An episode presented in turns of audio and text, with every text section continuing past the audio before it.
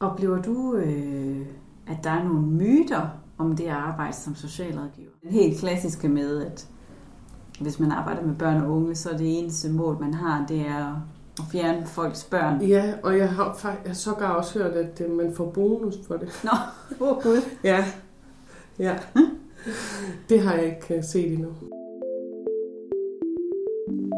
Velkommen til podcasten På vej mod at blive socialrådgiver. I dag skal vi tale om arbejdet som socialrådgiver. De fleste kender jo til ordet socialrådgiver, men hvad vil det egentlig sige at arbejde som socialrådgiver? Hvad laver en socialrådgiver i løbet af en arbejdsdag? Hvem kan en socialrådgiver hjælpe, og hvor kan man arbejde henne? Der er nemlig rigtig mange spændende steder, man kan arbejde som socialrådgiver. Og alt det skal vi blive klogere på i den her podcast. I dag er podcasten taget ud for at besøge Anne, som arbejder som socialrådgiver i en familieafdeling. Tak fordi vi måtte komme, Anne. Vil du ikke bare starte med at præsentere dig selv? Jo, det vil jeg gerne. Øhm, jeg hedder Anne og er øh, 29 år og bor i Midtjylland med min kæreste og vores to børn.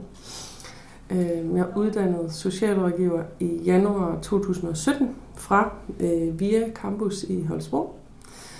Øhm, og har arbejdet øh, først lige efter jeg uddannet arbejdet på voksenområdet, psykiatri og handicap, også som myndighedsrådgiver. Og øh, efterfølgende øh, har jeg været på børneområdet siden da. Altså jeg har arbejdet fem år på børneområdet. Sådan, hvis du tænker tilbage, kan du så huske, hvorfor du valgte at uddanne dig til socialrådgiver? Altså det gjorde jeg, fordi at øh, ligesom rigtig mange af mine kollegaer Øh, altså så havde jeg også en drøm om at hjælpe og gøre en forskel. Og sådan, som menneske er rundet af, at, øh, at de stærke skal hjælpe de svage. Øh, og det, det er også det, der drev mig. Så jeg har jeg tænkte, jeg kan huske sådan som barn, jeg også har tænkt i andre omsorgsfaser, de mere direkte omsorgsfag. Jeg kunne, kunne også godt se mig selv som pædagog eller lærer, eller mm. altså sådan de lidt klassisk omsorgsfag. Ja. ja. Var det så noget særligt, der gjorde, at du så endte med at vælge socialrådgiver? Øhm, altså det, øhm, ja, fordi det, det var der, og det er egentlig også sådan det administrative. Mm. Jeg også godt kan lide ved det. Øh, orden, altså ordenen og retssikkerheden, og det, det kan jeg faktisk godt lide det administrative. Øhm, og det her element af at sikre deres rettigheder. Ja. Mm. Så er der også noget omkring den juridiske del. Ja, ja. det er der også, ja.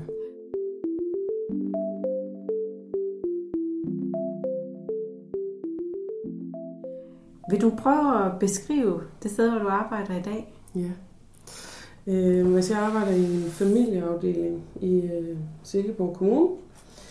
Og øh, her sidder jeg, altså her har vi øh, organiseret sådan, at øh, vi har en modtagelse, som øh, Øh, få underretninger ind og vurdere på underretningerne. Og øh, efter det, så, øh, så sidder jeg simpelthen med sagen.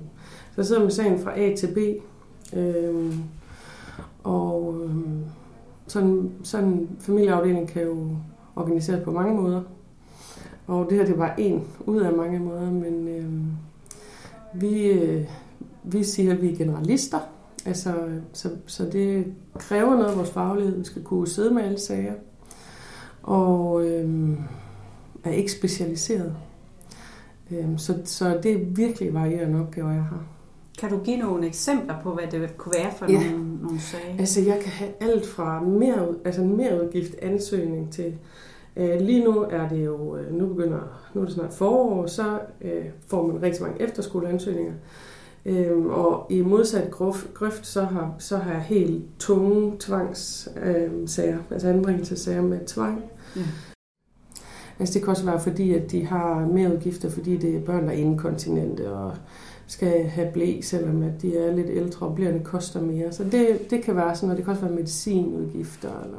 Altså så selv sidder jeg og ambassadør for øhm, UKN-sager, så dem har jeg. UKN-sager, det er jo øh, sager, hvor at øh, børn og unge mellem 10 og 15 øh, er mistænkt for at begå personfarlig kriminalitet, eller børn over 15 år er blevet idømt af retten til at øh, skulle i det, der hedder ungdomskriminalitetsnævnet.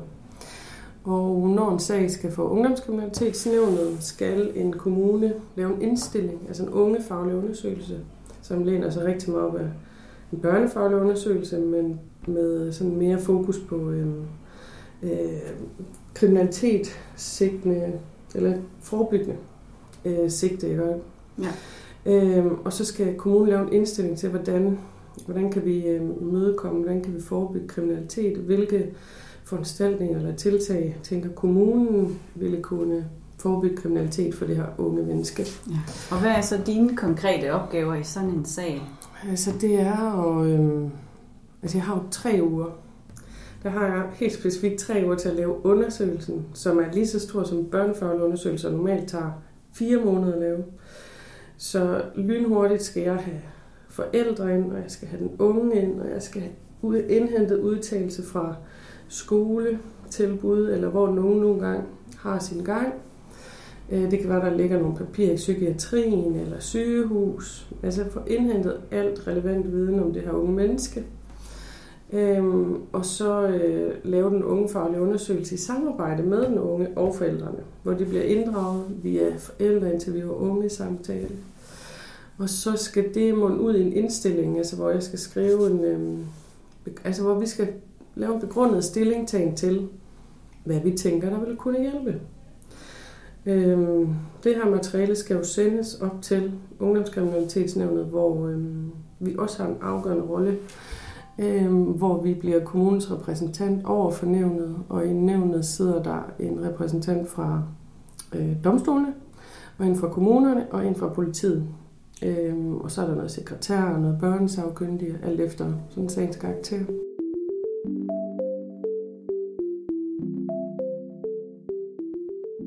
Hvis du sådan skal beskrive en helt almindelig arbejdsdag for ja. dig. Ja. Øh, Altså, jeg har jo en sagsstamme. Det var jeg familierådgiver for.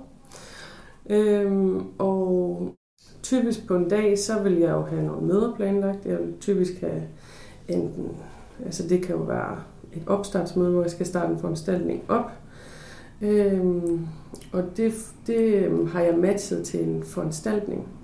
Altså, så det er typisk på baggrund af en børnefaglig undersøgelse, så, så, øhm, så viser der sig nogle udækkede behov.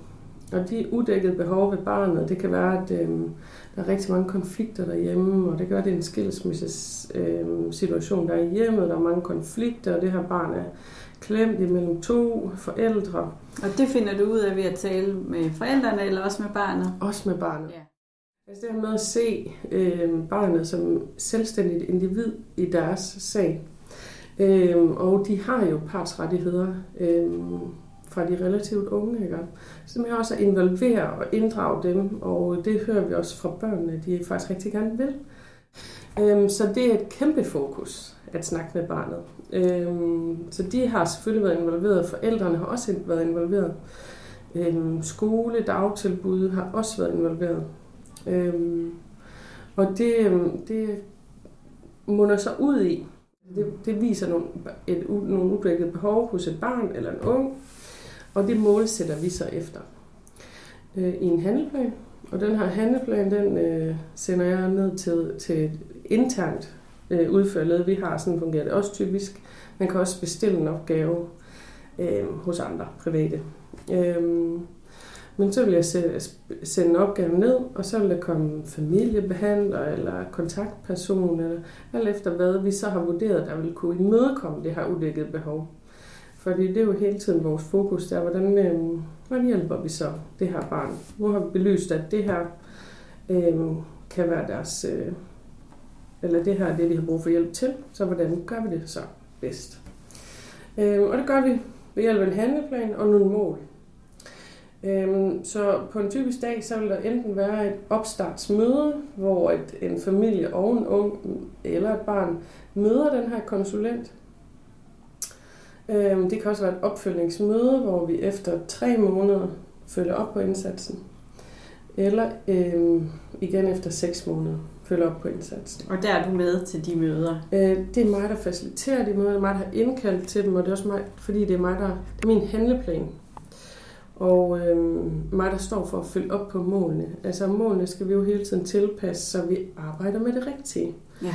Hvor handleplanen og mine mål er familiebehandlerens eller kontaktpersonens øh, arbejdsredskab.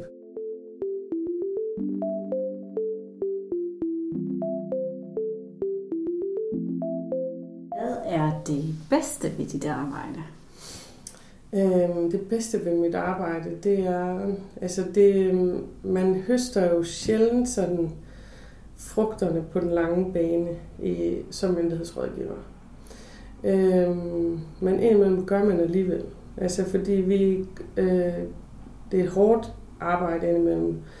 Øhm, men øh, omvendt så er der også bare øh, situationer, hvor du får en rigtig meningsfyldt øh, rolle og betydning for de her familier. Og hvor det er dig, der kan iværksætte den, den måske ret så lille hjælpende hånd, øh, og i andre tilfælde ret store hjælpende hånd, som de har brug for. Øh, så det, der er meningsfyldt for mig, det er i virkeligheden, og det, der giver mig drive også i det her arbejde, det er, når jeg kan hjælpe familierne med at hjælpe dem selv. Så hvad så omvendt? Hvad kan være udfordrende ved dit arbejde? Altså, øhm, det er helt klart øh, altså, tvangssagerne, hvor, et, øh, hvor der ikke er enighed om, hvad det bedste for et barn er. Og hvor et øh, samarbejde med forældrene bliver konfliktfyldte.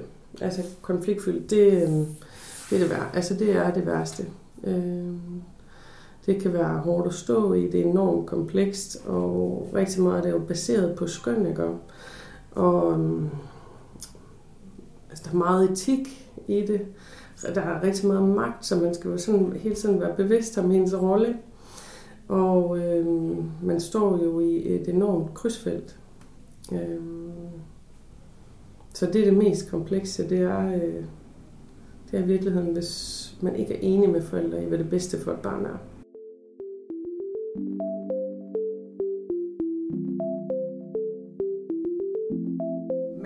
Du, bruger nogle af de ting, du har med fra uddannelsen, når du står i sådan nogle sager der? Ja, det, ja det gør, men det gør jeg. Øhm, det er svært helt på et studie at ruste sig til. Altså det, det er svært sådan helt at, be, at begribe, hvad virkeligheden er. Men, men, men jeg kan stadigvæk mærke, at jeg har min rygsæk med fra studiet.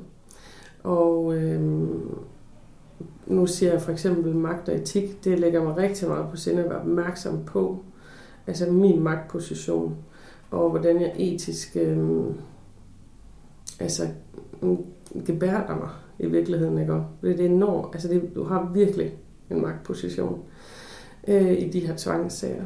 Øh, så, og det, øh, det er jo helt sikkert noget, jeg har med mig fra studiet.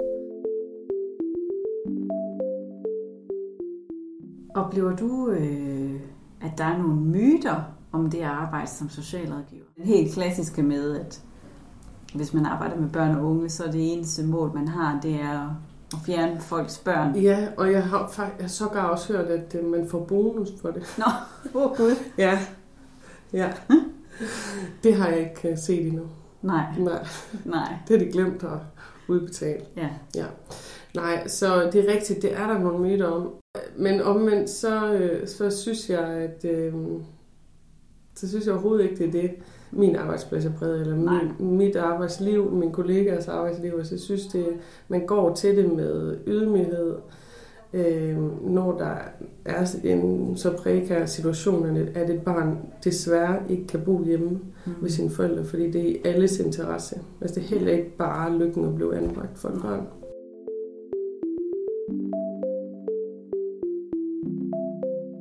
Skal man være god til noget særligt som socialrådgiver, tænker du?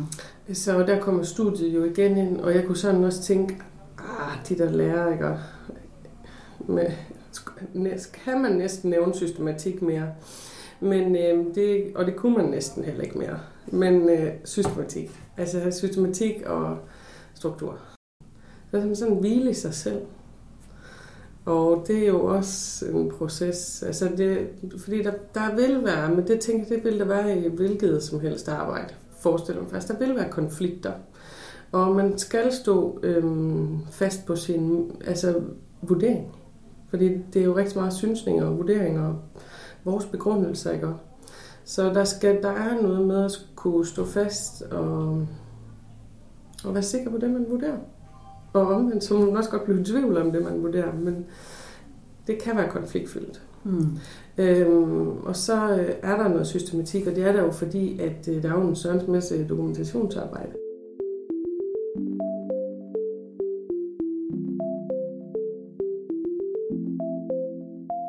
Hvorfor vil du anbefale andre at læse til socialrådgiver? Mm, det vil jeg, fordi øh, jeg ved, altså, jeg ved ikke, om man sådan havde tænkt, at altså, jeg havde måske lidt en romantiseret forestilling om, hvordan jeg kom til at hjælpe. Øhm, og måske også lidt naiv forestilling. Øh, omvendt så går jeg på arbejde hver dag. Og øh, føler også, at jeg gør en forskel, eller ved, at jeg gør en forskel for nogle sårbare mennesker.